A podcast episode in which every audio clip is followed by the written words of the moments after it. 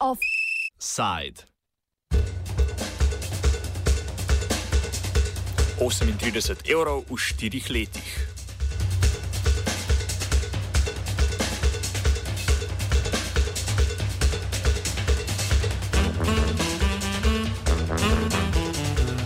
thank you 1002 evra. Toliko znaša povprečna neto plača zaposlenih v dejavnosti trgovine.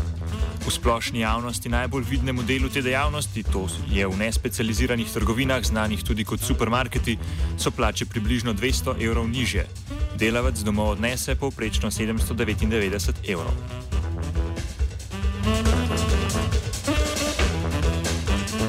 Nizke plače delavcev so glavni razlog za nezadovoljstvo sindikaliziranega delavstva v trgovinski dejavnosti. Tako kažejo rezultati ankete, ki jo je med člani opravil sindikat delavcev trgovine Slovenije. 97 odstotkov od več kot 4000 delavcev, ki so izpolnili anketo, razmišlja o stavki. 78 odstotkov na papirju pravi, da bi se je udeležilo.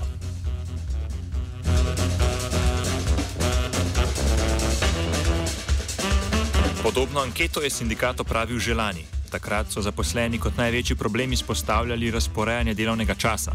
Več pove generalni sekretar sindikata Ladi Rožič. Letošnje leto je bil problem, problem plače, pred uh, enim letom pa, je bil pa problem delovni čas, za kar smo ga tudi z socialnimi partnerji, torej delodajalci, urejali. Ker smo pač pred enim letom ugotovili, da je bilo milijon tristo pa še nekaj presežnih ur, ki jih zdaj več ni, na koncu referenčnega obdobja. Uh, zdaj je pa osnovni problem so plače in seveda zopet plačilo delovni čas. Konec lanskega leta so sindikati z delodajalskimi združenji uskladili Alex kolektivni pogodbi dejavnosti, s katerim so omejili delo ob nedeljah in praznikih in povišali dodatke za delo na te dni. Poleg tega je aneks omejil najviše število nadur na 16 tedensko in uredil možnosti koriščenja nadur.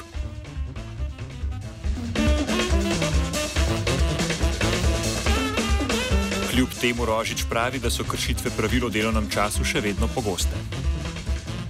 Kar precej kršitev na področju delovnega časa. Uh, delovni čas sicer smo uredili, vendar zaradi pomankanja in velikega absentizma, pomankanja delavcev, uh, delavci delajo preveč, delavci so prekurjeni in dodatnih ljudi bo treba uh, zaposliti oziroma obratovalne čase trgovin spremeniti. Po lanski dopolnitvi kolektivne pogodbe se je letos pozornost zaposlenih usmerila v višino plač. K nizkim plačam pa je po Rožičem mnenju prispevala tudi deregulacija poklicev v trgovini. Ljudje so z višinami plače nezadovoljni, plače so izredno, izredno nizke, dejansko bom rekel, že skoraj sramotne. Uh, osnovni problem pa je v deregulaciji poklicev, ker je pred dvemi leti uspelo Ferrarivi vladi deregulirati poklic prodajalec in trgovinski poslovodja, tako da sta ta dva poklica zdaj neobvezna za vsako izobrazbo. Državni zbor je pred tremi leti dereguliral poklica prodajalca in trgovskega poslovodja. Za ta poklic je od takrat zahtevana le še četrta ali petna stopna izobrazbe, smer izobrazbe pa ni več določena. Rožič trdi, da je to pripomoglo k stagnaciji plač v trgovini. Vplivi so v, v tem, da se zaradi pomankanja ljudi uh, ker zaradi nizkih plač nočejo delati, iščejo ljudi iz drugih držav, ker sicer jaz nimam nič proti, vendar te ljudi se izkorišča, predvsem na ceni dela. Zdaj imamo ogromno ljudi iz držav bivše Jugoslavije, ki delajo v, v, v trgovinah, delavce iz podsaharske Afrike, iz Pakistana, Afganistana in uh, to ne da ni spremljivo. Ampak spremljivo ni to, da so ti ljudje slabo plačani izključno za slovenskim delovcem ti delavci bi mogli biti pošteno plačani.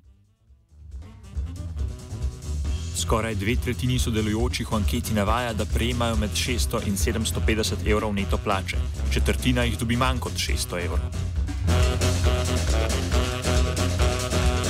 Deklarirane plače anketirancev so nekoliko nižje od državnega poprečja, ki vključuje plače vseh delavcev dejavnosti, tudi tistih na vodstvenih položajih. Poprečna neto plača v dejavnosti trgovine znaša 1002 evra. V zadnjih štirih letih in pol je ob upoštevanju inflacije zrasla 6 do, za 6 odstotkov. V nespecializiranih trgovinah, med katere spadajo supermarketi, poprečna plača znaša blizu 800 evrov. Od začetka leta 2014 je realno zrasla za 38 evrov. Trenutna kolektivna pogodba dejavnosti se izteče konec leta, sindikat delavcev trgovine pa se trenutno pogaja za novo. Sodeč po rezultatih ankete bo višina plač ena izmed, po, izmed tem pogajanj.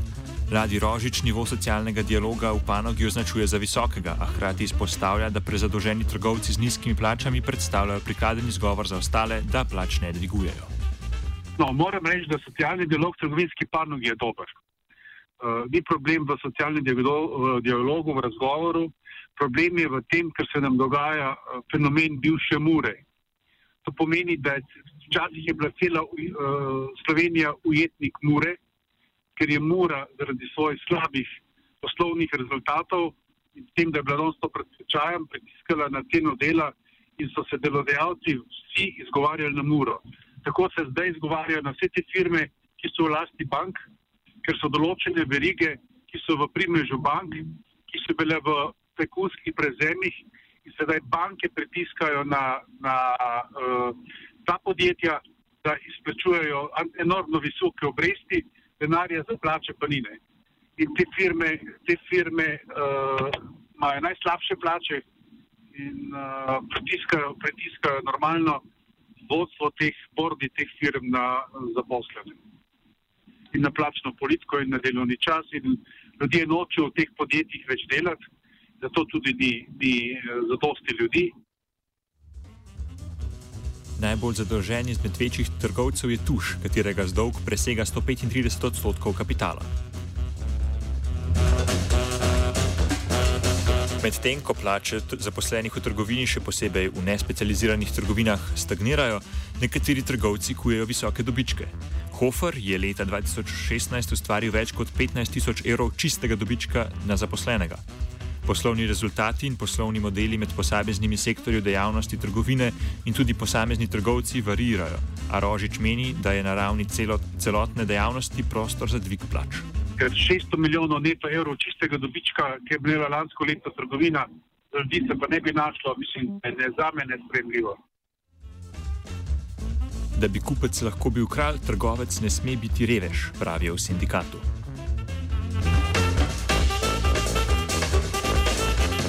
Da trgovec ne bi bil revež, si zali Twitter.